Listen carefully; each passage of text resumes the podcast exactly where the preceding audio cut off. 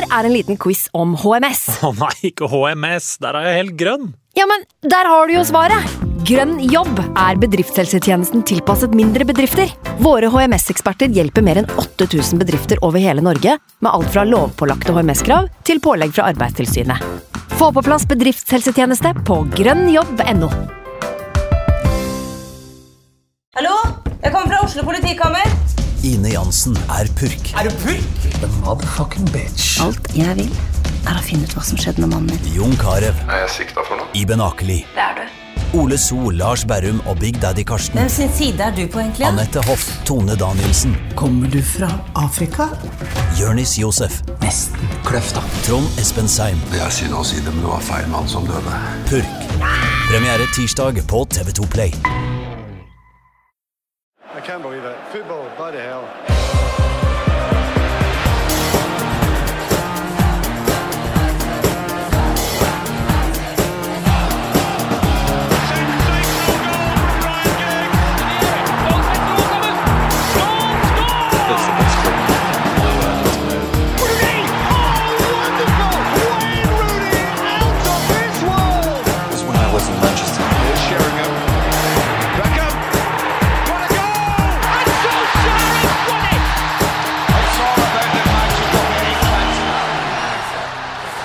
Velkommen til en ny utgave av eh, United We Podcast etter noe så sjelden som en borteseier i Premier League, folkens. Det er altså helt fantastisk å være Manchester United-supporter om dagen. Martin Jøndal, velkommen. Tusen takk. Eivind Brennholt Holt, velkommen. Hallo, hallo. Jonas Giæver, velkommen til deg også. Jo, hjertelig tusen takk. Åh, har alle det bra?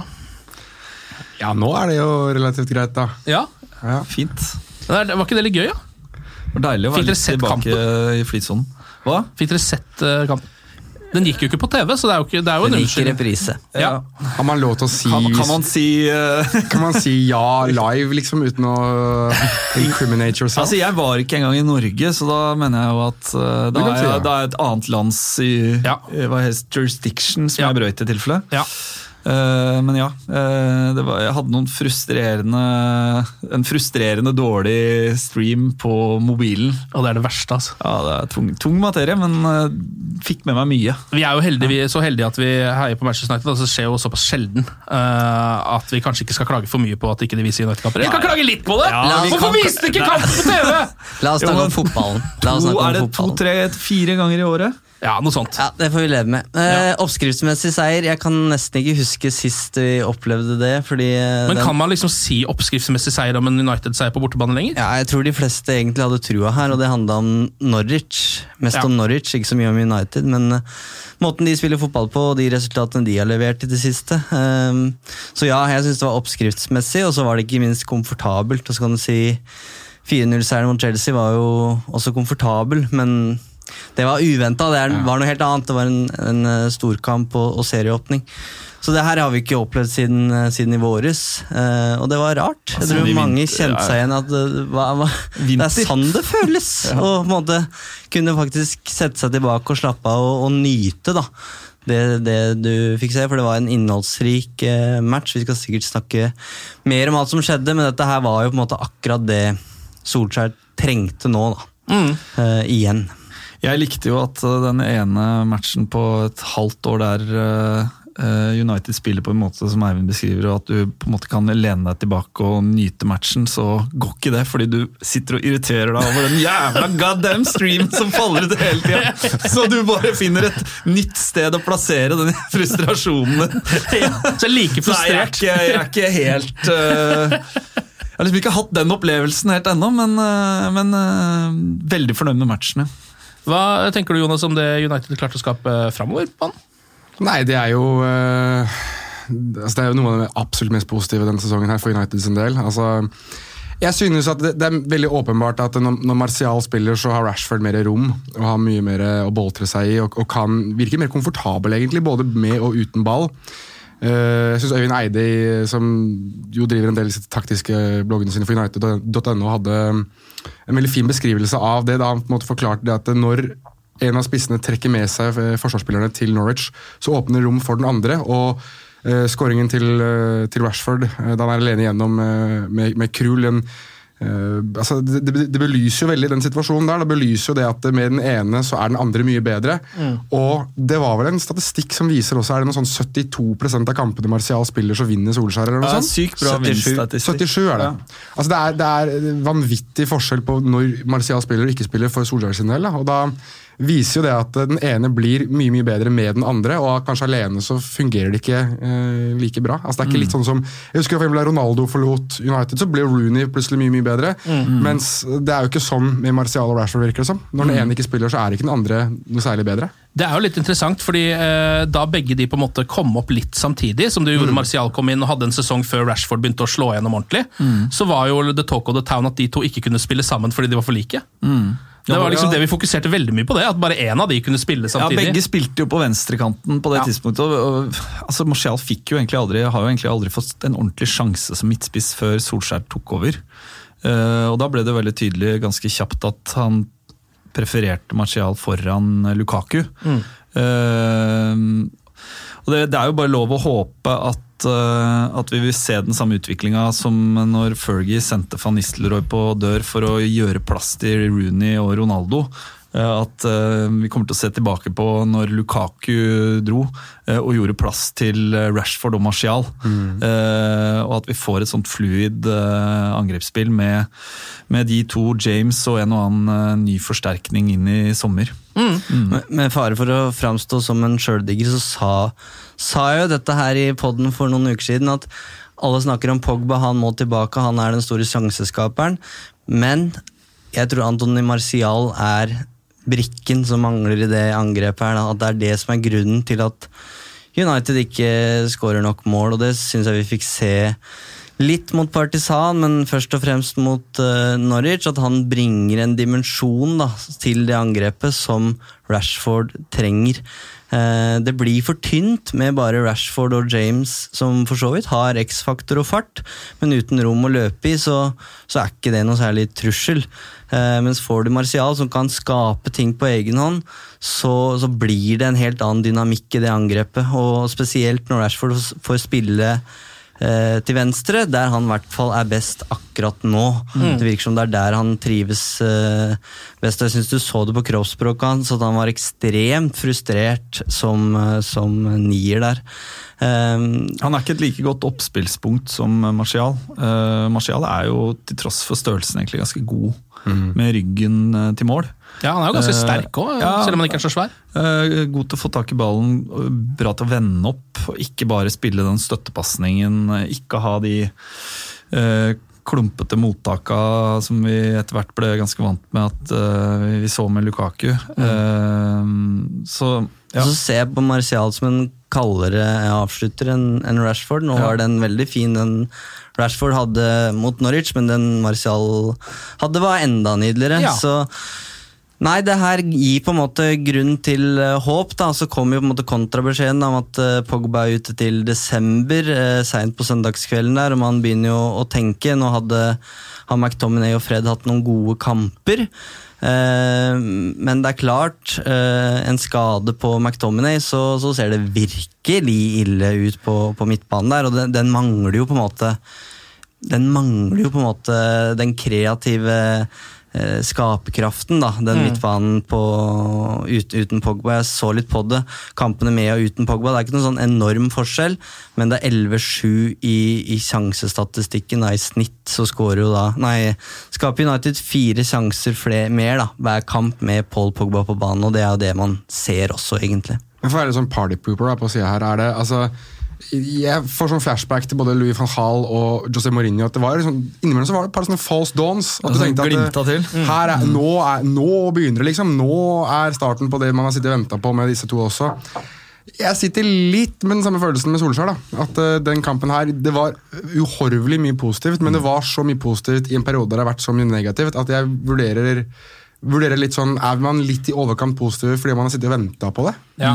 Jeg er veldig Ja, men, enig. og er det, ikke, er det ikke også sånn at det fortsatt kommer til å gå mye opp og ned? Uh, altså, uh, Vi har fortsatt et urutinert mannskap, og eh, når det butter, så vil det butte skikkelig, og når vi er i flyten, så vil det flyte på veldig. Men at det kommer til å gå mye opp og ned herfra og ut, det er det ikke noe tvil om. Eh, spørsmålet er om det holder inn til en fjerdeplass eller ikke.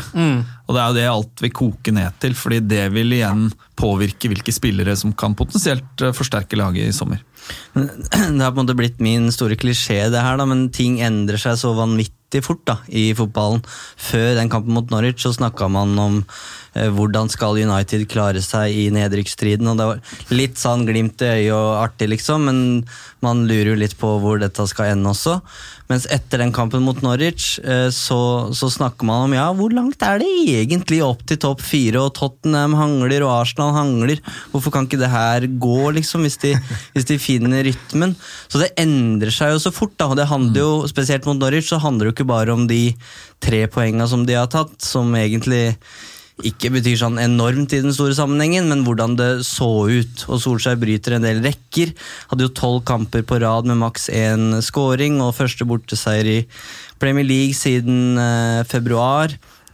Så du kvitter deg med noen spøkelser, bortsett fra disse, disse straffesparka.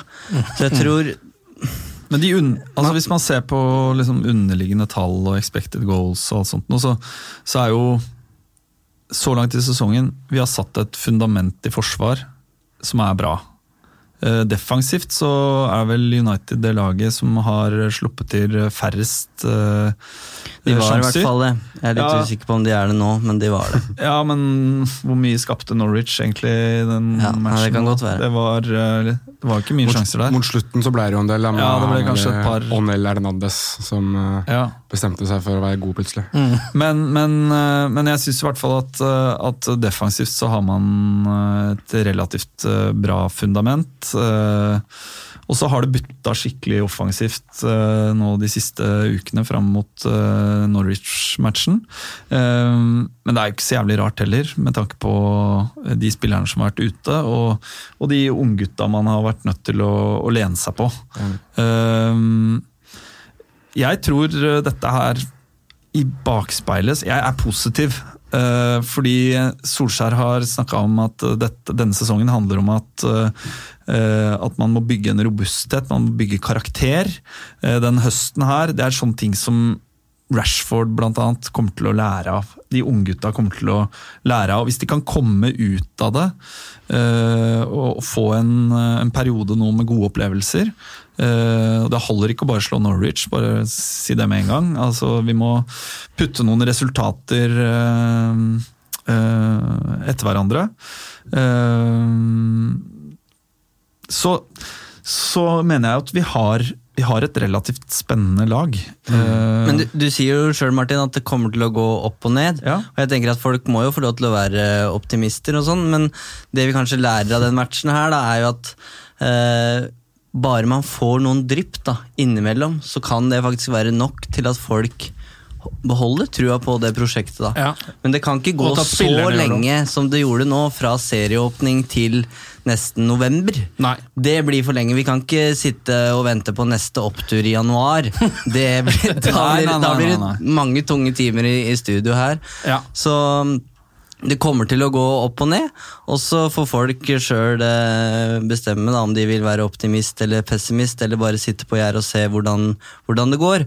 Men jeg tror vi alle er enige om at det kommer til å gå opp og ned, fordi troppen er ikke sterk nok, og det er et prosjekt i utvikling. Kommer ikke til å bli, altså Jeg synes ikke man ser konturen av et lag som spiller Champions League neste sesong. Så ærlig skal jeg være. Altså, jeg har fire-fem, kanskje til og med seks lag foran United på tabellen, slik ståa er akkurat nå, slik lagene klikker. Se på, se på Leicester, eksempel. er Greit nok 9-0-resultatet. Det, det lyver jo litt mot Southampton med tanke på utvisning og sånn. Men se hvordan det laget der klikker. da. Se de karakterene i det laget. Se alle har sin rolle. Jeg satt og så angrepsspillet der, hvordan Brendan Rodgers får det laget til å fungere, kontra hvordan United står og, og stamper og tråkker på ballen i kamp etter kamp etter kamp og får ikke noe som helst angrepsrotasjon i det hele tatt. Det er natt og dag å se på de to lagene der. Og Leicester har ikke investert så mye mer penger, eller de har langt mindre penger enn det Manchester United har investert, men de har bygget stein på stein, og de har fått inn en trener som de har hatt troa på, på lik linje som man kanskje burde ha troa på en, en trener i, i Manchester United over lengre tid også. Så jeg synes øhm, det er veldig rart å si, for jeg husker at David Moyes ble i sin tid slaktet for å si at we aspire to be like City, men kanskje man skal se litt på hvordan, hvordan Leicester faktisk har gjort det ved å bygge et fundament basert på visse spillere, basert på visse bærebjelker, og prøve å gjøre noe av det samme og, og bygge steg for steg. Selv om United selvfølgelig kan kjøpe seg litt høyere opp av tabellen ved å legge 120 millioner pund på bordet og skaffe seg Declan Rice og James Madison. Da. Håpet er at de, de gjør det samme, men at de ligger eh, kanskje et år eller to eller tre bak Leicester i, i leksa. Da. De har bare hatt én sommer med, med Solskjær, og den har gitt tre forsterkninger. Så får man håpe at neste sommer gir, eh, gir et lignende vindu. Da. Og så er det jo ikke så lenge siden heller at United med masse skader slo Leicester. Så man må ikke glemme det heller. Eh, Det er jo Nei. det er et ganske sammensatt bilde vi sitter og ser på her. Det er jo, jeg tenker at det er vanskelig å vite hvor mye hva man skal trekke ut av akkurat denne Norwich-kampen. Nå var det sånn at United måtte ha en opptur, da. Og den kom mot Norwich. Det var helt glimrende. Det var liksom litt vann på den planta, så den kan fortsette å vokse lite grann. Eh, og så har de vel eh, flest liksom expected goals, altså skaper mer enn de har gjort på flere år, egentlig, i en enkeltkamp. Men så er det mot Norwich. Kasper Wikestad var innom her før og fortalte hvor dårlig ståa er der. Og sa også bare rett ut at jeg garanterer et dødballmål. Og det ble det jo. Og det ble det jo også. McTominay sitt kom jo etter en corner og noe greier. Gjorde det ikke det? Jo, det gjorde det. Jo da, på vei ut der, gjorde du ikke det? Gjorde det ikke det? Jeg tror ikke det gjorde det. Nei, gjorde det ikke det? Var det Nei, på ja, ut, da? jo da, det kom eh, Etter en dødball, ja, det frispark, kom kanskje? etter en, eh, Det kom etter en corner som ble spilt ut, rotert, rotert ut fra James til Ja, ok. eh, Ja, Men det var til, ikke eh, direkte corner. Nei, nei, nei, nei, nei, nei, nei, men det, det endte opp etter en dødball, ja. Ja. Så dødballskåring jo-? Beleira jo boksen der før den uh, skåringa. Martial hadde vel en heading fra 30 cm. Ja, herregud. Det var ikke skårte der. ikke score på. men, men er det ikke bare jeg som sitter Altså Jeg husker uh, det var under Louis van Hall. Da United vant, var det 4-0 borte mot Fulham en gang. Fulham i, i fullstendig oppløsning. Jeg fikk sånn flashback til den kampen. der Robin van Persie hadde to. Uh, Adnan Janusai hadde vel en scoring. Altså det, det, det var litt, og da satt man også sånn Ja, nå, nå klikker det! Nå er det i gang. Jeg får litt den der, det er den feelinga jeg sitter med. Jeg sitter ikke med feeling med at å titte opp på tabellen og se om United kan ta igjen de som er der oppe. Det er mer den derre det er det ene steget forover, og så venter man på de syv stegene bak. Ja. Ja, men jeg, ah, nei, jeg vet godt ikke. jeg er veldig Ja, ja. pessimistisk, Jeg er men- Kanskje litt pessimistisk, men jeg tenker på det som sånn at uh, du har to, uh, to lag som konkurrerer om å vinne ligaen, uh, og da er det to Champions League-plasser igjen. Eh, de laga som konkurrerer om de to siste plassene, er Leicester, Chelsea, United. Arsenal og Spurs. Altså, det er faktisk ikke det er, Hvor mange var det jeg sa nå? Seks? eh, Ja. eh, fem eller seks andre lag som konkurrerer. Eh, og de, de lagene kommer til å ha noen oppturer og noen nedturer i løpet av sesongen. Leicester er oppe og flyr nå. Kommer garantert til å ha, komme i en eller annen vanskelig periode, de også. Eh, og så er det de de, av de laga så er det, det laget, de laga som klarer å på en måte være mest mulig consistent. Og Det som teller til vår fordel der, er at vi har et eh, relativt solid forsvar. eh, En god keeper. Um, og eh, det kan, jeg mener det kan holde. Uh, Jeg syns jo McTominay har vært et, uh, et veldig pluss uh, og etablert seg som et soleklart førstevalg. Ja. Hvis Fred nå kommer endelig et, altså Han har bare spilt et par-tre kamper, men hvis han kan eh, vokse inn i den eh, andre sentrale midtbanerollen eh, fram mot desember, Pogba er skada, han kommer til å få sjansen til å beholde den plassen og spille seg inn på laget. Det blir kanskje hans første sjanse i United-drakta til, til å ta en fast plass. Eh, så kan potensielt Pogba være den siste liksom, brikken i puslespillet eh, inntil vi får inn noen nye spillere. Å spille i en type tierrolle med Rashford til venstre, James til høyre og Martial foran. Det mener jeg er et bra fotballag, da. Ja. Eh, Men de må henge seg på nå, og det, det syns jeg er eh, litt viktig, da, som vi snakka om i stad. eh, De, de, de kan ikke gå like lang tid til, til nei, neste de må opptur. vinne neste kamp bort mot hva er det? Bournemouth. Bournemouth ja. Det, det er en spennende stamme i det laget nå, med, med De Gea, Maguire, Lindeløf, Tuan Sebe på øh, vei framover. Uh, McTominay, Rashford, Martial, James. Er, stammen er der, på en måte, men vi kan ikke sitte og vente til neste sommer, for liksom, da skal vi bygge laget videre. De må, Nei, de, de må, må henge prestere. seg på den topp Ja. fire nå. Uh, eventuelt så må de gå langt i Europaligaen, for at det må være noe som holder liv i den Sesongen. sesongen, her. Ja. Uh, men kan vi stoppe opp litt ved, ved Fred? Ja. Ja, jeg vil også gjøre det. Fordi det, det er jo en, en rar historie, det her som egentlig Det er vi vant til i United med, med brasilianere, for så vidt. Eh, men han kom jo Det var jo så voldsomt gode skussmål når han kom til United i, i fjor sommer. Og så har han jo på en måte vist at han er jo ikke helt den spilleren som vi blei det lova. da. Han er jo ikke den kreative krafta. Du snakka mye om venstrebein. at Han sa at her blir det mye langskudd og de rappe pasningen og den kreative på en måte, ja, den kreative brasilianeren. da. Men den har vi jo ikke sett, og nå har han på en måte blitt litt revitalisert. Men for meg så fremstår han litt som en sånn Det minner litt om Andre Herrera. Altså Som også kom til United som en kreativ spanjol og var vel en tier i Saragossa, hvis jeg ikke tar feil, eh, Jonas. Altså, han, liksom, han hadde jo vært gjennom flere roller, da, men blei jo en slags Eller en kriger. en en kriger eller en, ja, en indreløper, og det er litt det vi ser med Fred nå også, syns jeg. At man har på en måte justert ned. Ok, han er kanskje ikke eh, Han er ikke den midtbanefyren som vi håpa på, selv om Solskjær nå snakka om at han er en slags tier. da. Men, eh, men han er en litt, litt fattigmanns Ander Herrera i mine øyne akkurat nå.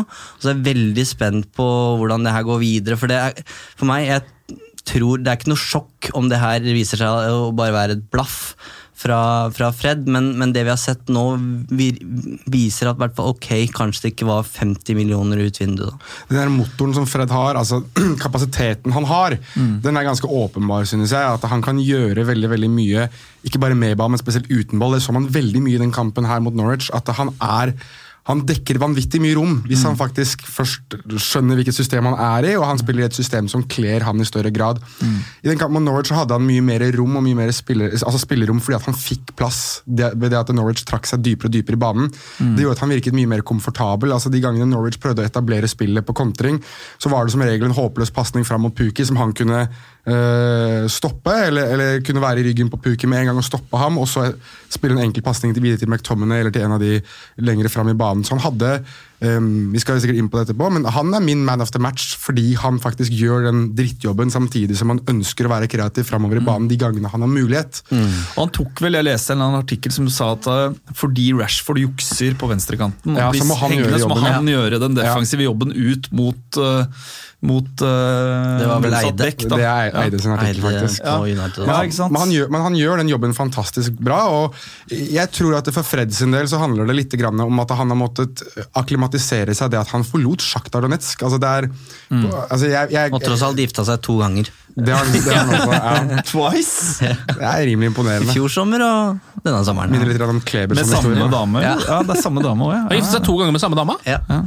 Yes. Var ikke helt fornøyd med første Fått Nei, det litt mer penger, så skal ta altså, Jeg visste at han, eh, altså, han gifta seg og gikk glipp av preseason, men at han gifta seg for andre gang og gikk glipp av preseason, det Da skjønner jeg at han fikk litt kritikk for det også. Ja, da, da hadde må tynes hardt i garderoben. Det må være lov. Det må være lov. Det beste var at han antok at han skulle være med i Copa America, men han Ja, ble ja. vraka derfra, så Ja. fikk han jo ikke den ferien som han da hadde lagt inn i eh, almanakken. Det stemmer det. det stemmer det. Nei, men altså, jeg, jeg synes at det, hvis det er en spiller som har et potensial man ennå ikke har sett, som man virk, virkelig ikke har sett ennå, så er det han. Og jeg, Ja, For du har sett han en del uh, I Champions League. Champions League når han spilte ja, i og, Shakhtar. og da var han fantastisk god, og også, også de, en del i kampene hans har sp- ikke så veldig mange, men de kan ha spilt for Brasil, så har han Ja, ja. hatt litt den der rollen. og Det var mange som sammenlignet han litt med Ngolo Kanté i, i, i den rollen han har hatt. ikke, altså Kanté er unik, og jeg vil ikke sammenligne noe med Kanté, egentlig, men litt den samme type rollen, litt den samme type arbeidsoppgaven som Kanté spesielt hadde i Leicester, og også litt grann i Chelsea nå, eh, ikke så mye nå, men som også hatt i Chelsea eh, i senere tid. Og Det gjorde at eh, i hvert fall jeg tenkte at dette kan bli spennende for United sin del, for det vil åpne for f.eks. Paul Pogba. For da har du den arbeidsmauren som åpner for han, litt sånn som andre Herrera har gjort, men som kanskje er enda mer motor enn det Herrera hadde igjen også. Og det så man konturene av mot Norwich. Og jeg tror at Hvis du får en spiller eh, som Pogba, enten i den offensive rollen der Unnskyld, altså Andres Pereira er håpløs. Helt håpløs.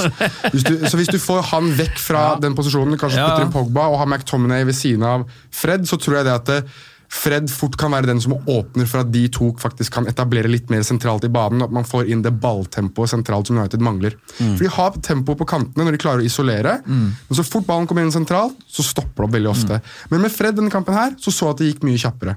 Det gikk veldig mye kjappere, og, og det- var enklere å spille mot etablert forsvar med en type som Fred enn det har vært, uh, vært før. Mm, og Jeg bare venter på at Solskjær skal gå for 4-3-3. Jeg tror bare han ikke har hatt muligheten, rett og slett. Med, Midtbanen er nok uh, tynneste er, den er tynn, men eh, jeg mener Fred må bare gjøre ting superenkelt, og så må han bare løpe sokken av seg og på en måte få luka bort en del av de feilene han gjorde innledningsvis i sesongen. De, de gikk treigt, og hver gang han skulle kontrollere ballen, så måtte han liksom bruke et, et touch ekstra. Han virker å være avhengig av måte være, være i en spiller som spiller uke, uke inn og uke ut, egentlig. Da. Og nå har han en eh, god måned sannsynligvis på å spille seg inn i laget. Og, og hvis McTominay og Fred på en måte er den åpenbare midtbaneduoen når Pogba er tilbake, så tror jeg vi kan få se mm, 4-3-3. Ja, enten det eller Pogba i en eh, Tierrolle. En ja. Ja, det Og- og det tror jeg nesten kunne vært enda bedre enn på en måte frigjort Paul Pogba med license til å på en måte skape, skape ting. Ja, Eh, han er jo Han har mål i seg, han har, eh, han har eh, pasningsfoten, Det oppspillspunktet. Det er der han spilte da Solskjær kom inn til å begynne med. Ja, ja, Han spilte jo bak spissen og hadde Ja, ja. mer fri rolle i den rekka bak, de, altså, bak spissen. Og den rekka med to andre på kanten. Og var dritgod. Og var fantastisk. Han hadde målpoeng hver eneste kamp. Altså, øh, han var jo en drøm å se på, og var liksom endelig noen som så ut du hadde funnet ut det der conundrum med Paul Pogba. Og så jeg mener, Hvorfor skal du gå tilbake til det hvis du i tillegg har funnet altså en midtbaneduo i McTominay og Fred som utfyller hverandre veldig veldig bra? da. Altså Du har den robustheten til McTominay, og så har du motorikken til Fred, og så kan du rett og slett få en til å bare skap. Bare, vi gir deg ballen, gjør som du vil. Men, men jeg skjønner hvorfor Solskjær ikke har gjort det fram til nå. Fordi det å, å stille en midtbane med Matic, McDominay, Fred, eh, ja, to av de tre, det, det har det rett og slett ikke vært rom for. da. Nei. Fordi da, United ville aldri fått ballen fram til Pogba. Men, det, men det, det gir jo mening da at det, det, Her gir det jo mening hvorfor man for eksempel er koblet til typ Declan Rice. da. Det gir veldig mening, for at det, det, er typ, det, er veldig, det virker veldig åpenbart for meg at Matic er på siste, Ja. siste Ja, men han er her. ferdig. Eh, og nå, er det jo, nå har vi begynt å bytte inn Garner isteden. Eh, og det er jo Det syns jeg er Like kult greit. å se. Det er jo er, vraka for Serbia til og med nå. ikke sant? Ja. Matic. Eh, Men jeg har bare lyst til å plukke opp tråden litt fra det du var inne på, Jonas. Du nevnte Andreas Pereira, altså den nåværende tieren til Manchester United. Han som ser ut som har spilt seg inn i den rollen, tatt plassen til Lingard. Uh, fikk skryt for Norwich-matchen. Du sier han er helt håpløs. Hva mener dere, Eivind og Martin? Kan bare skyte inn at Oppda er i ferd med å utvikle en ny sånn algoritme. eh, Det greie. trenger Andreas Pereira. Eh, hvor de skal, eh, hvor de skal eh, måle på en måte bidrag da, i, i match, og der scorer Andreas Pereira ganske, ganske høyt hos United. Men for meg så skurrer det med, med det jeg ser. da. Jeg, jeg syns ikke han er noen han har blitt prøvd som dyptliggende midtbanespiller, han har blitt prøvd som tier, og han har prøvd seg som wing. Og jeg syns det blir, det blir uh, mye av det samme. Og det verste syns jeg er de valgene han tar offensivt da, på siste tredjedel av banen. Der er han rett og slett ikke god nok. Nei. Og så mangler han jo den farta som skal til for å kunne ta, gå av en mann også. Eh, Det får han jo veldig sjelden til. Ja, Hva er det han er ekstremt god på, hvis man skal på en måte plukke ut én spisskompetanse? presse litt sånn defensivt, virker han å være ganske Ja, han- brukbar. ja. Så har han jo blant de bedre skuddføttene på midtbanen til United. da. Ja, men han skårer jo ikke mål. har begynt å skåre litt riktig nok, men nei. Han skårer jo ikke mål. Jeg er helt enig. Jeg ser på han og tenker Hvis du prøv å sette det i sammenligning her da Hvis du tenker at eh, Coutinho er en deilig entrecôte, så er Andreas Pereira joikakaker. Ja, ja. Jeg kan gå med på den, faktisk. Det er jo, han, han, All respekt til joikakaker for øvrig, men eh, Men han, han, er en, han er en squad player, Ja. eh, og vi har hatt verre squad playere. Men akkurat nå er han, er han et førstevalg, og det er ikke godt nok eh, for et, et lag som skal prøve å slå seg inn i, i Champions League. Det er ikke godt nok for United, period. nei. Eh, Men det er litt sånn det er nå. Det er, dette er en mellomsesong, og Andreas Pereira er sånn prime-eksempelet på at det er noen brikker i det laget som skal byttes ut. Ja, men, og han er på en måte Han er et eksempel på en, en spiller som kommer til å på en måte få de sjansene som man kan diskutere om han fortjener. Mm, og som jeg personlig og som vi i panelet da tror faller igjennom. Eh, og så er det jo eh, å håpe da at, eh, at en del av de andre spillerne tar de mulighetene i større grad enn det jeg tror han har kapasitet til å gjøre. Altså, jeg, jeg elsker attityden hans. Altså, jeg har jo lest masse intervjuer med ham, og han virker som han har så lyst til å få det til, og at han er så innstilt på at det skal gå. Men det er en gang så at noen ganger så er du bare ikke god nok. altså. Og Du kan nesten gjøre hva som helst, men du bare blir ikke opp på det nivået. Og jeg tror, dessverre for Andres Pereiras del, øhm, så er han en spiller som i beste fall blir en type squad player da, i Manchester United, som kan hvis du skal sikre en seier og sitte ned en ekstra på midtbanen, så kanskje han er god nok til det. Kanskje han er en type som hvis du skal spille en veldig taktisk bortekamp i Europa, så kan han være fin å starte som et ekstra ledd i en midtbane. Han er ikke en spiller som du kan beregne inn i en førsteelver i Manchester United per 2019-2020-sesongen. Det kan, altså For et lag som skal inn i Champions League, som skal kjempe om å vinne Europa League altså Du vinner ikke Europa League med det der. Du gjør Han, ikke det. jeg er enig, han har på en måte riktig innstilling og er god i det defensive presset og gjør alt for laget. og, og spiller for drakta og alt det der. Invitert United-supporteren hjem til sitt hus i, i eh, Manchester, og vi fikk et intervju med han der. så Flott fyr, men jeg veldig usikker på om han som 23-24-åring aksepterer å være en squad-spiller i United. Jeg tror faktisk han kan bli rastløs og ønsker å spille en viktigere rolle da, i et annet lag eh, tvert. jeg, jeg skjønner jo for så vidt hvorfor han starter nå. Fordi Ja, eh, ja, Lingard har ikke levert i det hele tatt, og Mata er ferdig. Han har ikke et målpoeng. Eh, så vi, vi, vi har ikke per nå noe bedre alternativer. Men hvis Pogba kommer tilbake, så er det den plassen han skal inn på. Ja. Eh, for Fred er foran Pereira i køen, og det var han ikke fra starten av sesongen. Nei. Men det mener jeg han er nå. Det kan, kan jo, som vi var inne på, endre seg. Ja, ja, ja. ja. Det skjer jo veldig mye i denne kampen. her. Kanskje vi skal gå gjennom eh, noen av skåringene og sjansene som eh, dukker opp underveis. Eh, Vi var innom førstemålet, Scott McTominay. Veldig god avslutning. Heldig som på en måte bare får ballen litt sånn servert inn i feltet. ja våkent, da. Våkent, ja. Mm, og godt satt. Mm. Det er jo sånne mål man har savna litt når man har sett på Manchester United som ikke skårer nok mål. At man ikke bare kan få en sånn Kan, vi ikke bare, kan ikke ballen bare lande inn i feltet, og så er det en som bare skyter? Og så er det det som skjer. Andre Rera var god på de der, husker jeg. Ja. eh, en periode. Enten så hadde han sånn skikkelig sånn Thunder Bastards, eller så hadde han de. Ja. Det var de to skåringene han Ja, det var det. Noen straffer òg, husker jeg. Han tok straffer Ja, for United under van Gaal. Ja, det ble straffer. Ehm, og så er det jo en, Jeg tror det kvalifiserer til dødballmål. Det er vel Uniteds første dødballmål siden Sir Alex Ferguson. Så det, det er ikke langt unna. Så det Siden, short. siden Phil Jones. Hvis vi tar bort straffespark. Siden, eh, du må ikke glemme de tre måla vi skåra Mot mot Leicester. på, ja! fra samme cornerflagget. Altså, vi har ikke skåra siden da. Så det kom, eh, det kom i den kampen, så har vi måttet vente i tre-fire år. Ja, vi har det. Eh, og så kom jo da den kampens første straffebom. Um, Rashford som tar straffa. James som blir felt. Ja, Tvilsom ja, straffe, eller? Ja, det er ikke Jeg må si jeg, jeg er helt enig med Solskjær. Den første er ikke straffe. Den andre er straffe, Hensen. Ja, Eh, Og og, begge begge straffene skulle vært tatt på nytt. Ja, det stemmer jo også. Han står jo faen meg på femmeteren! Mm, Ja, ja. Tim Krohl, verdens beste straffekeeper, mannen som van Hall eh, bytta inn i VM. Men hvordan er det, hvordan er det VAR-rommet ikke får med seg at han står én meter utafor Men de skal mål ikke bruke seg? var på det. Nei, okay. og det der er jo en sånn klassisk, den regelen der eh, ble vel, var det før forrige sesong at det skulle være strengt på det, eller noe sånt, husker jeg. Kanskje det var denne sesongen. Jeg husker i hvert fall at det var et par-tre straffer som ble tatt på nytt. De var utrolig strenge på det under fotball-VM Ja, for kvinner. ja, det ble jo For bare- kvinner. Ja. Da, da, var det, da var det mye straffer som ble tatt på nytt, husker jeg. For mange. De mye. Ja, og nå har de glemt det helt. Nå har de glemt at de innførte den regelen, tror jeg. I hvert fall uh, dommeren på søndag. Ja. Ehm, og så Ja, det er jo Rashford som bommer, da. Krol Bare for å si det, Straffene kunne vært bedre, selv om keeperen står eh, noen centimeter utafor strekken. Ja, det er det ikke noe tvil om engang. Eh, det som jo skjer, er at rett etter at han bomma på straffe, så scorer jo Rashford fra åpent spill.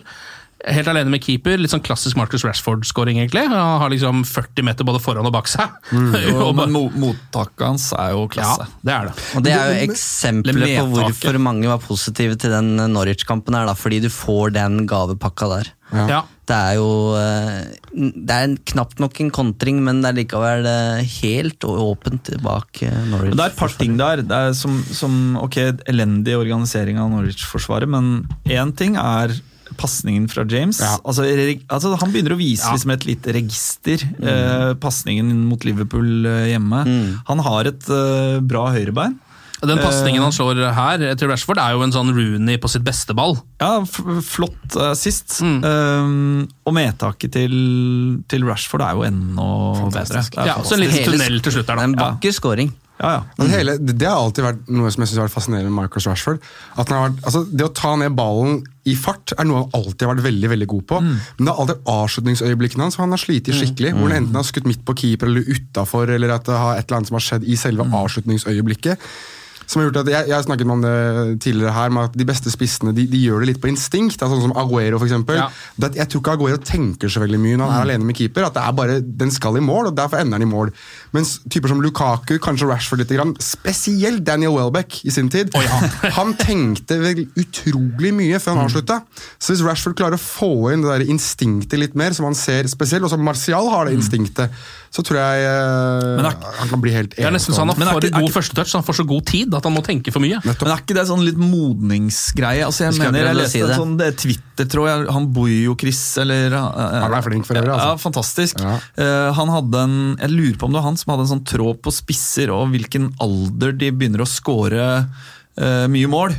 Eh, og at eh, hvis du ser på karrieren til på en måte Salah og, Han hadde masse eksempler, Mm. og på en måte når skåringssnittet begynte å liksom ordentlig dra seg til. Mm. Og det er var, hvis jeg ikke husker feil, sånn i 3-24 alder, Okay. og så fram til eh, 30, og så begynner det å avta ganske dramatisk igjen. Mm. Eh, og jeg tenker jo at både Martial og Rashford er jo på en måte På vei inn i den på vei inn i den fasen der de skal produsere.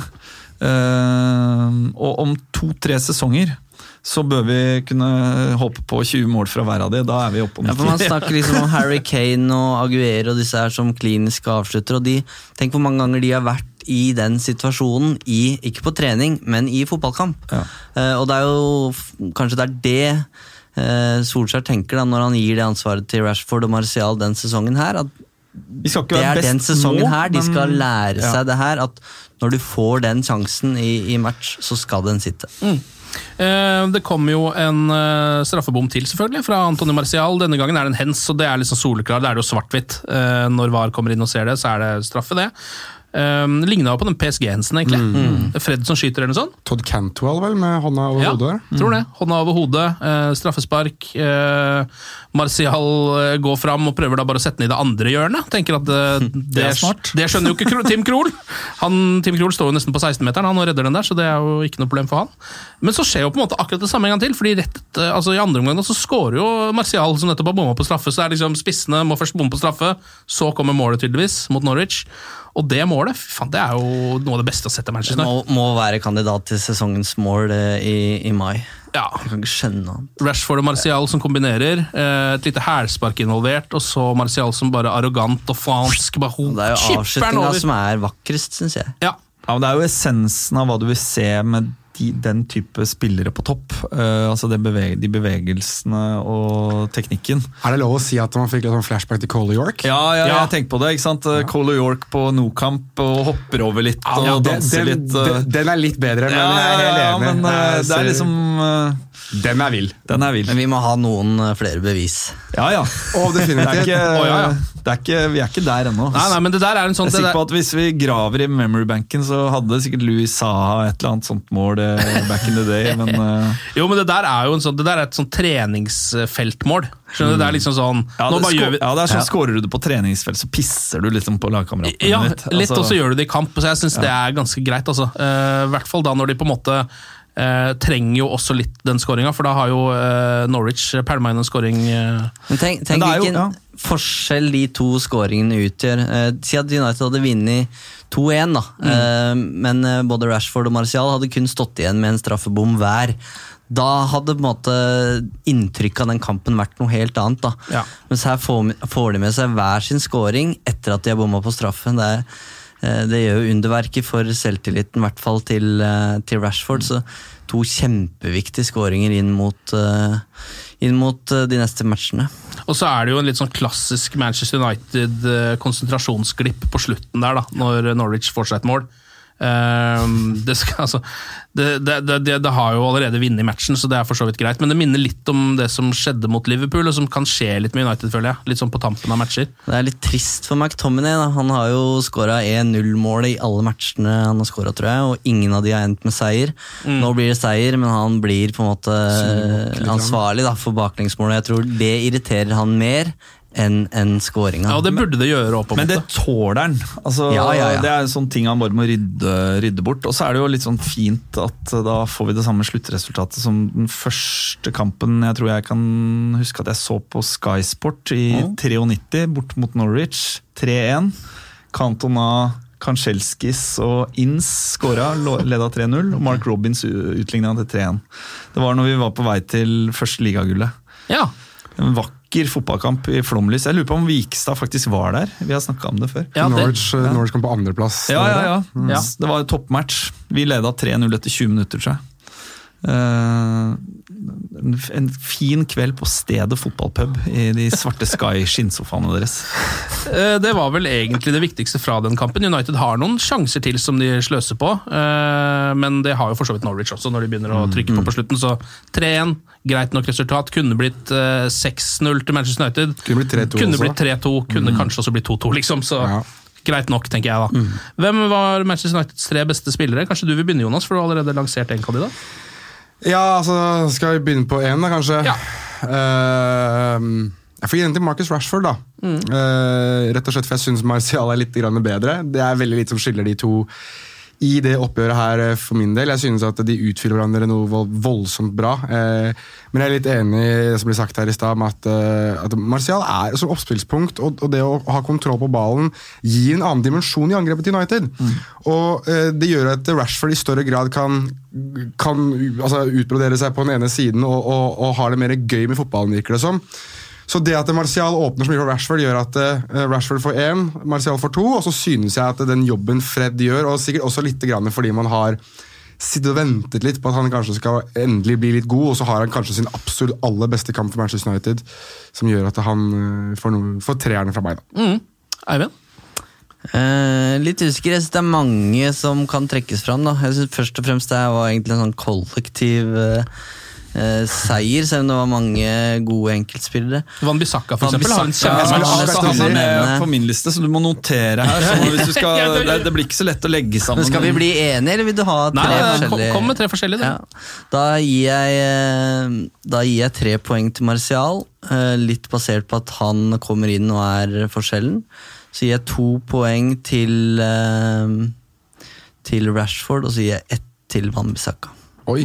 Martin? Ja, jeg snur på den siste og gir uh, to til Van Bissaka og ett til eh, Rashford, og så Martial på tre. Men jeg, jeg står også bak Fred. Bare så det Ja, er sagt. ja, ja. Her er det marginer som kunne skiller. eh, vært på en topp tre-liste. Det er, det, er, det er litt sånn nytt at man faktisk sliter med å velge de beste Ja, ja, ja, ja. til United. Det er liksom, de, de, alle, alle Ja, jeg bytter ut Rashford med McTominay. ja. Ja. Ja. men dette her liker jeg, gi- gutter. for skape litt uh... Denne samtalen pleier jo vanligvis å ende i at noen sier 'det Hea var vel grei', og så får han tre poeng. Så det, Ja, jeg skal ikke til å si, Det blir liksom med Wan-Bissaka også. At det, Ja. Wan-Bissaka var jo god. ja, han var, Det er han ja, var, det var jo, Han slapp ikke til noe som helst som jeg kan huske. Men gjør han egentlig det noen gang? Han er jo verdens beste sklitakler, liksom, så det, han er en nydelig forsvarsspiller. Uh, litt rart å tenke på at han egentlig var wing. For jeg, altså, jeg synes, jeg synes ikke jeg har sett så mye til det offensive som jeg har sett til det defensive. mann. Og veldig bra at United ikke signerte en av de andre fi 1499 høyrebekkene de så på. ja, de hadde skauta! Ja, det er helt sykt. Det greiene er så sykt. Er kjempe, kjempebra artikkel for øvrig. Ja. Eh, Paul Pogba er altså ute i desember, det har vi allerede snakka litt om. Um, jeg trodde ikke han skulle være skada så lenge, må jeg innrømme. Jeg ble- Ingen Så hadde du så det. med gipsen nede i Dubai der, så skjønte du at han var ikke tilbake til Liverpool-matchen. Nei, det, det skjønte jeg, men jeg trodde liksom hele tiden at han var rett rundt hjørnet. Nå har vi da fått uh, desember. Det er jo synd for Manchester United. Eh, vi får håpe at han kan gi et lite boost når han da kommer tilbake igjen. Ikke så lenge til desember heller. Ja, hvis han kan komme tilbake og være i form inn i juleprogrammet, og Ja. på en måte gi oss et uh, løft inn i en busy periode av sesongen Ja, Hvis man skal prøve å se det. positive her, så må man på en måte tenke at United nå får en mulighet til å forberede seg på livet uten Paul Pogba. For det tror jeg det bare er å gjøre. Ja. Eh, og så kan man si at det, da Du tror han kommer til å gå etter sesongen? Ja, jeg tror det. Og Da er det nok ikke McTominay og Fred som skal utgjøre midtbanen, da. Men det er noe med å vinne fotballkamper uten Paul Pogba i garderoben, som visstnok eh, er en viktig fyr da, for Mm. det laget. Mm. Det skjønner jeg jo godt. Det er jo ingen som eh, gir bedre stemning enn den mannen. Han er jo Ja, så er spørsmålet, Jeg er ikke så sikker på det du sier. Hvis eh, han har en litt skadeplaga sesong og ikke nødvendigvis eh, dominerer for eh, United, så, så har vel også Real Madrid et tak på hva de er villige til å betale for, eh, for en Paul Pogba. Hva, hva, hvordan ser midtbanen til Madrid ut nå? Hvem, Mener du Kroos, Modric og Casemiro? nei, men de har vel gjort noen eh, Ja, altså, justeringer der? Det er jo eldgamle Modric og Kroos som blir mye mindre populær med for hver dag som går, og Mm. Casemiro som er Casemiro. Og så har de nå altså Federico Valverde har vært veldig god den sesongen for, for Real Madrid, men det er jo sånn glaringly obvious problem at de mangler en ordentlig kreativ målskårer, poengplukker sentralt på midtbanen. Så det har jo vært Christian Eriksen og Paul Pogba som har vært nevnt aller, aller mest. og Jeg føler Christian Eriksen er enda nærmere å gå fra Tottenham enn det Ja, men han, Han jo Han, er, gratis. han kan jo gå gratis i januar, så er- kan han signere gratis for en klubb. Så det er jo snakk om at, at Real Madrid vurderer å gå for det alternativet i januar, og så eh, enten supplere det med Paul Pogba til, til sommeren, eller eh, altså, drite i Paul Pogba. Eh, Donny van de Beek og sånt har også blitt koblet til Real Madrid, så det er, det er veldig mange navn som nevnes. da, Men det navnet som har vært nevnt hyppigst i forbindelse med Real Madrid, og Zidane spesielt, har, vært, uh, har vært Paul Pogba. Men så har det nå vært en del problemer i Real Madrid. altså de, Det var jo snakk om at hvis de sleit mot å komme til å tape, hvis, hvis de hadde tapt mot Galatasaray, eller spilt uavgjort mot Galatasaray, så kunne Zidane ha røket. Eh, etter at de tapte mot Mallorca på bortebane. Eh, og da var erstatteren var José Mourinho. Det var han som ble snakket om. Ja. Og da vet vel alle det, at Paul Pogba rører ikke den klubben José Mourinho er i. Så det er litt Det er, det er langt igjen. så det er lenge igjen til sommeren, og så får man se hvor, hvor, man ender opp. Altså Real Madrid spilte jo ikke nå eh, i helga, El Clásico ble utsatt eh, mot Barcelona. så det er en sånn nerve i Real Madrid rundt hvorvidt uh, Zidane blir værende, og han er nok veldig viktig hvis Paul Pogba skal inn i det laget. Samtidig så er det blitt gjort veldig tydelig ved flere anledninger at Real Madrid har et lønnstak der Sergio Ramos står på toppen, og de har et tak for hvor mye de ønsker å betale for en fotballspiller som de egentlig er litt usikre på. Ja. Det er det, altså Kylian Mbappé er, er, han kan bruke masse penger på. Hva som helst. Paul Pogba mm, ikke helt sikre, virker det som for de høye herrer i Madrid, selv om Zidane pusher og pusher og pusher. og pusher. Det beste som kunne ha skjedd, tenkte han om det skjedde, at José Mourinho tok over Real Ja, det Madrid, var og derfor blir Pogba i Manchester United. Å, Ja, men også- også er det jo gåsehud bare jeg tenker på men så er det jo også sånn at uh, vi har jo en muligheten til å extende kontrakten hans med et år. Da har han igjen to år neste sommer. Så det er jo ikke, øh, det er jo ikke sånn at øh, man må kvitte seg med han. Er sånn- økonomisk så er det sannsynligvis billigere å, øh, å på en måte i hvert fall beholde den et år til. Ja. Eh, og så får man se, da, med spillerne vi får inn, det fundamentet Solskjær får, får lagt. Eh, fotball går jo litt i sånn syk eh, cycles. Eh, og når eh, den relativt unge troppen vår er et par-tre år eldre, eh, hvor står vi da eh, med noen forsterkninger? Jeg tror, jeg tror for Paul Pogba sin del, dette er vel noe som Gabrielle Marcotti skrev eller rapporterte om i sin tid, at eh, han har fått inntrykk av at eh, det er ikke helt utelukket at Paul Pogba rett og slett bare ønsker seg en ny og feitere kontrakt også i Manchester United. Altså, det er, vi må huske det at dette her er det de livnærer seg på. Altså, det, det er en kort karriere. Tjen så mye penger du kan eh, så fort du kan i fotballen. Det er jo det, det det går ut på her i stor grad også. Ja, selvfølgelig, du skal ha sportslig ambisjon også, men altså, økonomisk ambisjon må jo trumfe det innimellom også. Det, det burde jo alle ha forståelse for, egentlig. Men i hvert fall jeg, altså, selv om jeg skjønner at det, veldig mange tenker at å, vil du ikke vinne trofeer osv. For Paul Pogba sin del så antar jeg at hvis United legger store penger på bordet, som er antagelig større enn det Real Madrid kommer til å legge på bordet, selvfølgelig vil Paul Pogba ta det framfor å gå til Real Madrid hvis han ikke får det han ønsker, og hvis Mino Raiola ikke får det han ønsker heller. Så selvfølgelig, jeg, kan, Men- men- jeg ser for meg et scenario der Paul, der Paul Pogba signerer en ny kontrakt etter at Real Madrid-overgangen feiler nok en sommer. Det vil ikke overraske meg. Men A, hvorfor skal Manchester United gjøre det hvis han ikke leverer nok til at f.eks. Real Madrid ikke er interessert? Og B, det var en annen ting som, som kom fram. Paul Pogba er ikke nødvendigvis eh, besatt på å forlate Manchester United, men er usikker, som Wayne Rooney var i sin tid, på eh, klubbens ambisjoner og hvor den er om to-tre år. Ja. Han er 26 år, har ikke altfor mange år igjen, eller kontrakter Ja. igjen. Så hvis United nå ender ut utafor topp fire, som flere av oss tror at det kommer til å skje, hvor, hva tenker da Paul Pogba? Da er på en måte utgangspunktet enda verre enn det det var før den sesongen her. Eh, og det var jo ikke noe hemmelighet at han ønska nye utfordringer eh, i sommer. Så jeg ser ikke helt verken hvorfor Manchester United skal betale dyre dommer for å beholde en spiller som de ennå ikke har fått til å fungere så bra som alle trodde at det skulle gjøre. Og eh, jeg skjønner heller ikke helt hvorfor Paul Pogba skal ønske å, å bli værende, hvis han ikke føler at klubbens det- ambisjoner ikke er der de tror- skal være. Altså, vi vet jo ikke eh, det, Vi får se fasiten eh, når det skjer, men jeg tror i hvert fall Solskjær sin plan sånn i utgangspunktet det er at vi, at vi, vi skal komme oss til Champions League i inneværende sesong. Vi skal forsterke med tre-fire spillere i alderen 20-25 år.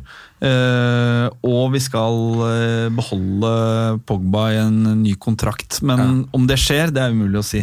De, de vokser ikke på trær, de midtbanespillerne. Men hvis det finnes et alternativ der ute, hvis man kan få Ok, Si Paul Pogba ikke har en, eh, en kjempesesong, da, og man får, får igjen det man betalte Juventus. Hva kan man få for 1 milliard på overgangsmarkedet for å erstatte Paul Pogba? Jeg tror du kan få et alternativ som er minst like godt. Ja, Det må man jo kunne få, for Pogba har ikke prestert uh, Nettopp, så godt. og det er det som er poenget. Men, men det er det, det samtidig som det er problemet, så er også Paul Pogba the great unknown. For du vet hvor god han kan være i, satt i riktig system. Mm. Det har man sett i, i Juventus, og man har sett det også tidvis i Manchester United. At nå, når Og Frankrike. Og spesielt for Frankrike også. At du kan få så mye ut av han, og når Paul Pogba klaffer, så mener i hvert fall jeg at det er ingen midtbanespiller i verden som er mer komplett. Som er registeret hans. Det er ingen som rører det i det hele tatt. Og Paul Pogba ble hentet inn for å være den som tok over uh, den midtbanerollen etter Scholes og Keane, eventuelt Manchester United, som skulle være Uniteds svar på Steven Gerrard, som skulle være Uniteds svar på Frank Lampard, som skulle ta United inn i neste gullalder. Det var det Paul Pogba ble hentet inn for. For man manglet den stjernen på midtbanen. Michael Carrick var litt lik, men samtidig ikke like rå som det Paul Pogba var, som det Scholes var. Og Man sitter fortsatt og tenker at det er muligheter for å få det ut, og det tror jeg man gjør i Manchester United også. Det tror jeg Solskjær ser. Jeg tror alle ser at det, det er der, men spørsmålet er hvordan du skal få det ut. og er det da verdt å investere de pengene i å prøve å få det ut av ham, eller er det som du sier, skal man si at ok, kan vi få tilbake pengene fra, som man betalte Juventus, og si at that's it, og prøve på nytt? Eller er det verdt å prøve en gang til med en spiller man tydeligvis allerede også vet hva kvalitetene er i? Ja, jeg synes det er absurd at man sitter og stiller seg det samme spørsmålet i dag som man gjorde for tre år siden. Da. Men- men- for en spiller man betalte da Men hvor gammel er Paul Pogba? 26? 26. Ikke sant? Det er, Ja, Han har tida på sin side, men hvor mye skal man på en måte Hvor lenge skal vi vente? Ja, men jeg vet ikke om, ja, jeg, jeg er litt enig, Han har ikke slått ut i full blomst, det har han virkelig ikke, men han er jo fortsatt, selv på en dårlig dag, en av Uniteds aller beste spillere. Så jeg tror liksom at for de pengene United eventuelt skal investere som de får fra Paul Pogba, så får man ikke en spiller med det samme potensialet. Fordi han vil ikke til Manchester United per nå. Ja, for er Manchester United ja, så- er ikke lenger ja, men- Real Madrid eller er det en- Barcelona. Ja, så er det en annen uh, faktor i det, og det er at United er en- også en business. Uh, og Paul Pogba er en av de mest marketable player- det, spillerne er i, Ja. i verden. Det kan vi ikke dra inn. Hva? Det, det kan vi ikke dra inn. Nei, men Det er jo en faktor for, klubb, for, Ja, for klubben er det Ikke det. for oss, Nei, men nettopp. for klubben. men jeg tenker, men det, er jo, det er jo et poeng, for når tenker du at uh, når den Chevrolet-avtalen går ut, og man skal ha en ny sponsor, så vil jo de, hvem skal spille med den? Hvem skal spille med, med logoen vår på brøstet, eller på, på magen? Okay, Scott er det- McTominay skal er det på seg Scott, drakta. Er det Scott McTominay og Andres Pereira, eller er det Paul Pogba? Ikke sant? Det er, det er Den er åpenbar. Ja, ja. Paul Pogba har en enorm markedsverdi for Manchester United, Eh, så den bestrider jeg ikke. Men eh, Ja, vel, når du legger alle de faktorene sammen Eh, Garderoben, hvem er han i garderoben? Eh, han er en spiller som har gått opp på ungdomsakademiet vårt. Det, er mange, det er mange faktorer som eh, kommer Ja, til å skulle Jeg skulle veldig play, gjerne sett at Paul Pogba lyktes i Manchester United, som vi alle hoppa på Da gjør det, i, gjør det i desember, altså ut sesongen. Ta- Vi venter til desember, så tar vi en ny eh, diskusjon rundt Paul Ja. Pogba da. Eh, vi kan ta noen eh, rykter og litt sånn diverse. Kan jo egentlig Eh, starter med at, en, eh, at det sier seg sjøl at Erling Braut Haaland begynner å bli kobla til Manchester United. Eh, nå er det vel Karriere del Sport som har vært ute og skrevet at Napoli har gitt opp håpet om å få han fordi de mener at koblingen til Manchester United er for sterk. Så får vi se hva som skjer der med eh, spissen i verden med best målsnitt akkurat nå.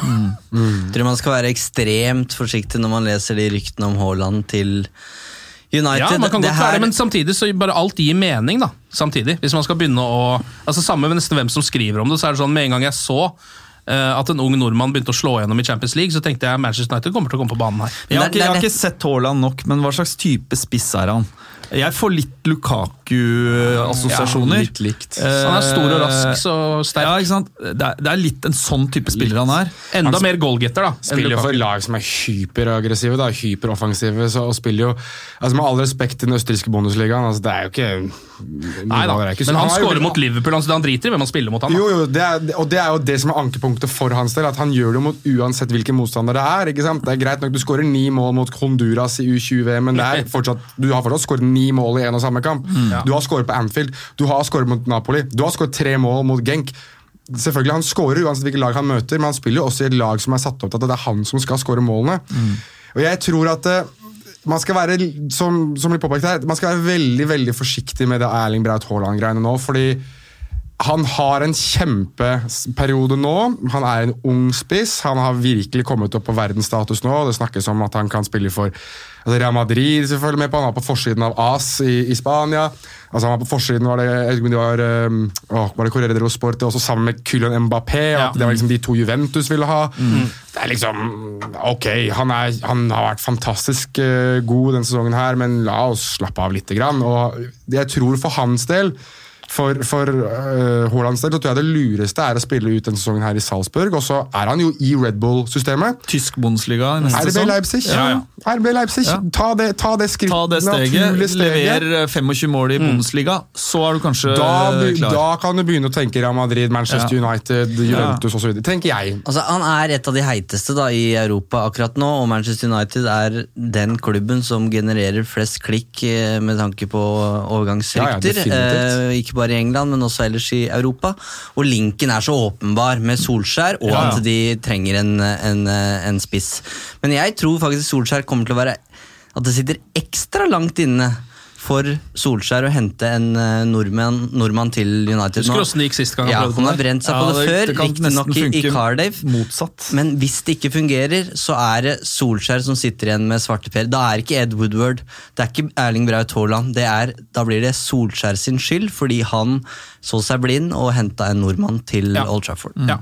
Men Ja, det hadde vært vanvittig gøy. Ja. Ja, men jeg hadde, mye, jeg, jeg hadde både syntes at det var morsommere, og jeg hadde vært mer fornøyd hvis vi, eh, hvis, vi, hvis vi skal få inn et par nye offensive spillere i 2020, og at det er eh, Sancho fra Dortmund eh, til å utfordre på høyrekanten, Og og James James, Madison til å ta en tierrolle. Ja. Det er det som trengs mest, da. Det er der det virkelig kniper. Så det er jeg enig i. Altså, og da Eller nå kniper Jeg vil jo tro at begge de to står foran eh, Braut Haaland på en eventuell eh, liste, pluss 500 andre navn som ja. Woodward har liggende. Declan Rice tror jeg også står ja, ja, ja. på lista. Ja.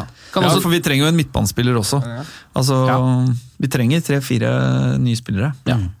Eh, Jesse Lingard sin kleslinje går det ikke så bra med. Han har, han har gått Ja, på Han et føyer seg inn i Tom Cleverley sin kleslinje. TC23. TC23. Altså, det er jo en, det er en death, a career death er jo å være Kleslinje. en sånn halvgod United-spiller som lanserer kleskolleksjon. Ja. Hva faen er det de driver med? Åssen går det med capsene til Ferdinand? For de var litt trekk på en stund. Jeg tror det går bedre enn med Få høre, jeg har ikke lest det her. J-Lings eh, har nå rundt 2,64 millioner kroner i underskudd. Ja. Det, det høres ikke helt bra ut. Det virker som det er mer, mer å tenke på for eh, Jesse Lingard enn eh, bare det å ikke levere målpoeng om dagen. Altså Det er sympatisk at uh, gutta som drar inn mye cash, setter noen barndomskompiser i arbeid og trykker Ja, opp noen er. T-skjorter og genser og capser, men gjør det litt gjør, det, gjør det på en måte hva skal jeg si, litt mer uh, under radaren. da. Uh, ikke koble ditt eget navn inn i det, eller kall det noe som ingen assosierer med deg som fotballspiller. Ja. Uh, bygg noe fra bånn av. Det der, altså Når Zlatan ikke klarer å selge eh, sportsklær hvorfor, A to Z? A to Z. Ja. Uh, Jeg har en hvorfor- bokser, jeg. Den er god som faen. Det er jeg også, den er ikke god. Kan kan jeg komme en digresjon bare rundt akkurat det der? Rundt det å sette navnet ditt på ulike ting. Er det noen som husker Faustina Spria? Som spilte for Newcastle, og. Colombia og sånn. Han eh, gikk jo så langt at han lanserte sine egne kondomer i, eh, Det, i Colombia. det er sterkt. Det er nydelig. Det er Så du kan kjøpe Aspria-kondomer i Eller kunne i hvert fall kjøpe Aspria-kondomer i, i Colombia. Vet ikke om de gikk som hakka møkk, men eh, Jeg tror du gjorde det. det er mulig. Ta noen spørsmål fra eh, lytterne våre også, fra Instagram og Twitter. Eh, Olav som si, spør bør Solskjær ta straffene selv. Eh, godt spørsmål, men det er en som Ruben under her som også skriver hvem bør bomme på neste United-straffe. Altså, hvem skal ta Hvem skal ta nå? Ja, Nå må disse dommerne slutte å utsette United for dette presset her. Det, må, Det var jo en lang periode hvor vi bare trodde United Ja, kunne skåre ja, på straffer. Sånn så- sett er det greit. Altså, er, man snakker mye om VAR og sånt, men det spiller jo egentlig ingen rolle for oss. For vi brenner jo de straffene vi får på VAR uansett. Vet du hvem som er god på straffer som ikke har tatt en straffe for United ennå? Som jeg ikke skjønner hvorfor ikke har tatt? Ashley Young. Ja. Han var god en gang i tiden på å skyte straffer, og han har skåra på straffer mot United for Aston Villa. ja, en gang han, i tiden spilte, også. han tok vel straffe for både Watford og Villa, tror jeg. Det tror jeg stemmer. Han var fantastisk god på straffer en gang i tiden, har ikke tatt en straffe for United. Men da må han spille hver kamp, da. Ja, det, Ja, det er kanskje Polen. det er kanskje det eneste Altså, han, problemet. men herregud, eh, vi var jo så lei av Ashley Young på høyrebekk eh, i fjor, fjorårssesongen. Høyrebekk, høyrekant, venstrekant. Så dukker han opp på venstrebekk eh, i år. Han har vært god, da. Han har vært god. Ja, han, har han, har ikke, ja, han har vært ålreit. Han har vært, vært helt ålreit. Um, Halvard lurer på Scott McTominay, sesongens spiller til nå. ja. Ja. Det er ikke langt unna, i hvert fall. Hvilke, hvem er kandidatene? Daniel Hvertfall, James er åpenbar. I hvert fall en av de som har steppa Ja. opp, på en måte. Uh, Ja. Og som eh, Ok. Eh, mm, kanskje var et usikkerhetsmoment vi visste i sommer når vi satt og så på preseason at ok, den sesongen her kommer Scott McTominay til å være en starter. Han spilte jo ved siden av Pogba i, eh, i alle kampene der du så Solskjær spilte førsteoppstillinga si. Eh, og var jo sånn sett et, et, et spørsmålstegn ved han. Eh, kan han levere? Jeg syns han har vært god eh, til tross for at United har hatt dårlige perioder. Um, han har levert noen mål og, og vært solid. Og du ser jo konturene av en jævlig god midtbanespiller i Scott McTominay. ja, og du ser konturene av en mulig United-kaptein. En det- fyr som skjønner kulturen, eh, og som, Ja, som, har de som går holdningene. foran. eh, Og det hadde jeg faktisk ikke eh, trodd. Nå er han vel faktisk 2-23 år, da, så han er jo ikke noe talent lenger, McTominay. Men han er jo uerfaren. Men bare tenk på hvordan han har vokst i løpet av de siste tolv månedene. Altså, det han var gjennom ja, Det han var gjennom med Mourinho. Husker han satt var det bortekamp mot Huddersfield, hvor Yes. han satt på benken der og bare stirra tomt ned i, i, i bakken. Og tro, visste vel ikke at han var med på sendinga til BT Sports der. og sånn, men han har gått foran helt fra dag én den sesongen her, og åpenbart tatt et ansvar, og det er Solskjær veldig opptatt av. Som United-spiller så skal du, du skal ta ansvar. da, Du skal ta det straffesparket. Du skal ikke på en måte bare være passiv, du må ta en aktiv rolle. og Det, det har han gjort, og han begynner å ja, Han er en leder i det laget. Så ser han sånn Dolph Lundgren i tillegg. Ja, han har litt tynn, jo- Tynn, Dolph Lundgren. tynn Lundgren. Du venter liksom Juvillos Du venter liksom på at det skal komme noe sånn uh... I must break you. Sier? Eh, Christian minner oss også på at uh, McTominay sitt mål var uh, nummer 2000 for Manchester United i Premier League-historien. Det er jo en um, fin liten ting å markere. Um, ellers så er det jo altså da to kamper som eh, venter nå rett rundt hjørnet. Det er Chelsea i eh, morgen onsdag i ligacupen. Bournemouth eh, på lørdag i Premier League. Tidlig match, halv to, er det ikke det? Det er litt deilig å få United der. Jeg syns det er mye søndag og mandag på Manchester United om dagen. Det er moro um, mot Chelsea borte, da. Skulle gjerne vært der. Ja. Tror jeg hvor mange tusen United-fans er som Jeg har vært på 8000 én i bortekamp, det var en ganske altså. kjip opplevelse, men det Jo, men uh, ligacupen, der får du vel Ja, uh, litt høyere flere. antall billetter og sånt. Jeg tror det kan bli en ganske sånn grei fest i morgen i London, uh, selv om Det var vi, veldig bra der forrige sesong, var det ikke det? En av de bedre Var det FA-cupen ja, med stemmer. Solskjær? Ja, FA-cupkampen der. 2-1 eller 2-0.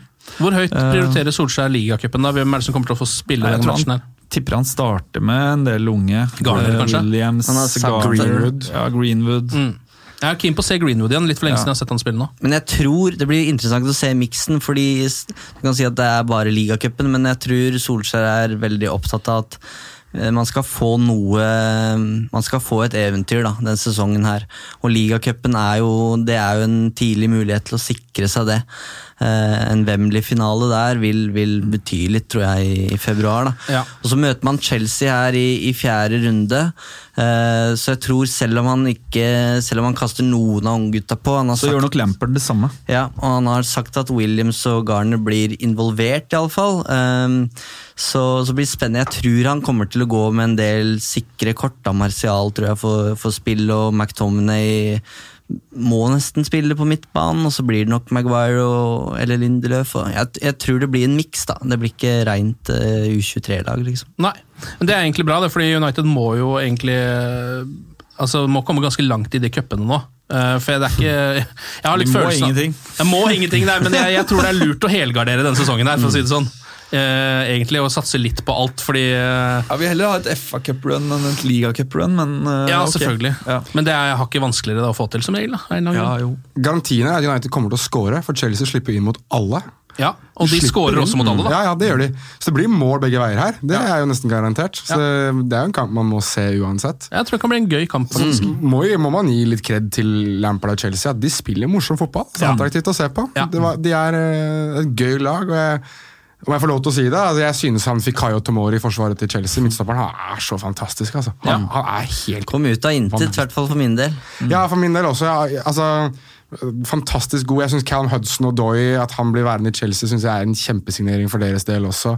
Det er, det er et gøy lag. så Det er to unge lag, to, to litt urutinerte lag. To unge og litt urutinerte trenere også, i hvert fall i Premier League-sammenheng, som møtes. Det er alltid litt eh, moro når slikt skjer.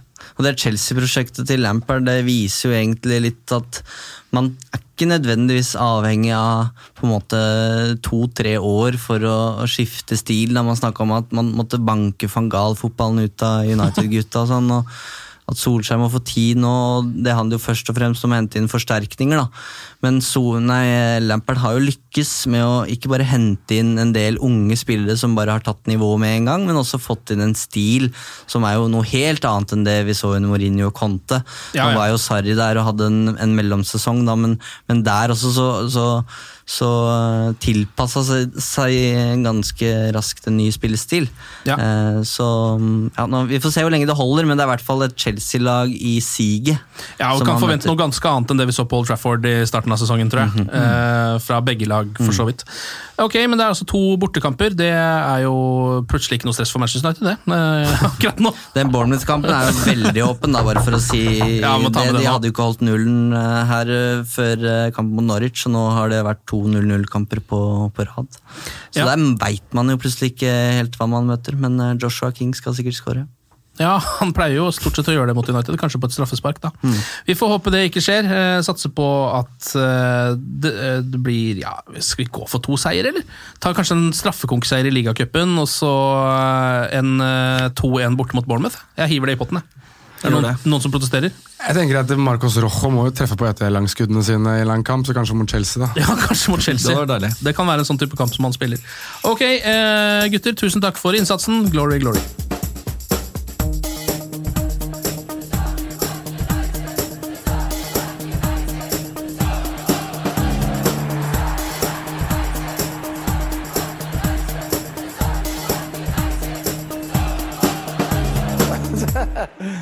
True.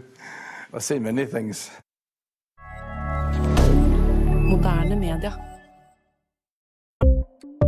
Ukens annonsør det er matkasseleverandøren Hello Fresh. Der kan du velge mellom 25 ulike oppskrifter hver uke, eller få Hello Fresh til å sette sammen en meny for deg.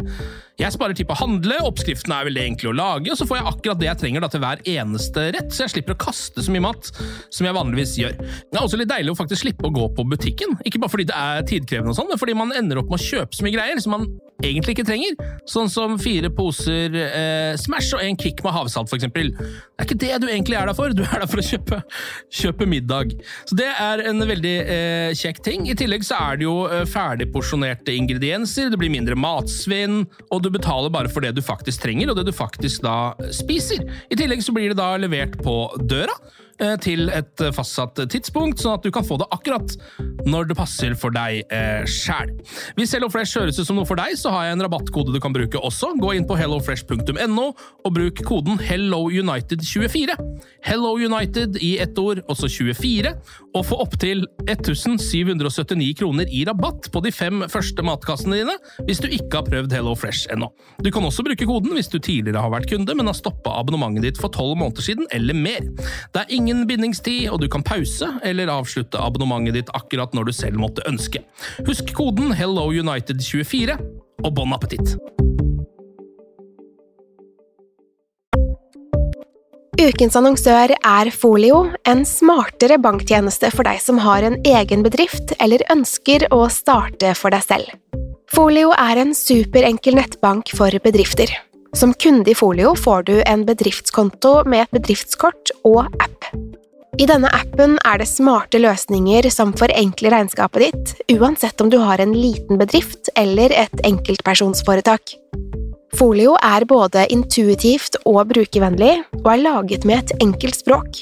I tillegg tilbyr de forutsigbare priser og ingen skjulte gebyrer. Skulle du likevel trenge det, så kan du snakke med deres raske og hyggelige kundeservice, og der får du prate med en faktisk person og ikke en chatbot. Folio er med andre ord både enklere og koseligere enn banken.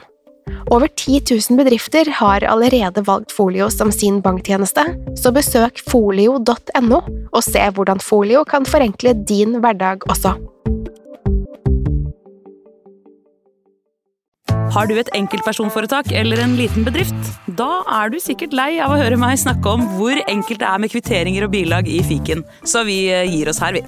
Fordi vi liker enkelt. Fiken superenkelt regnskap.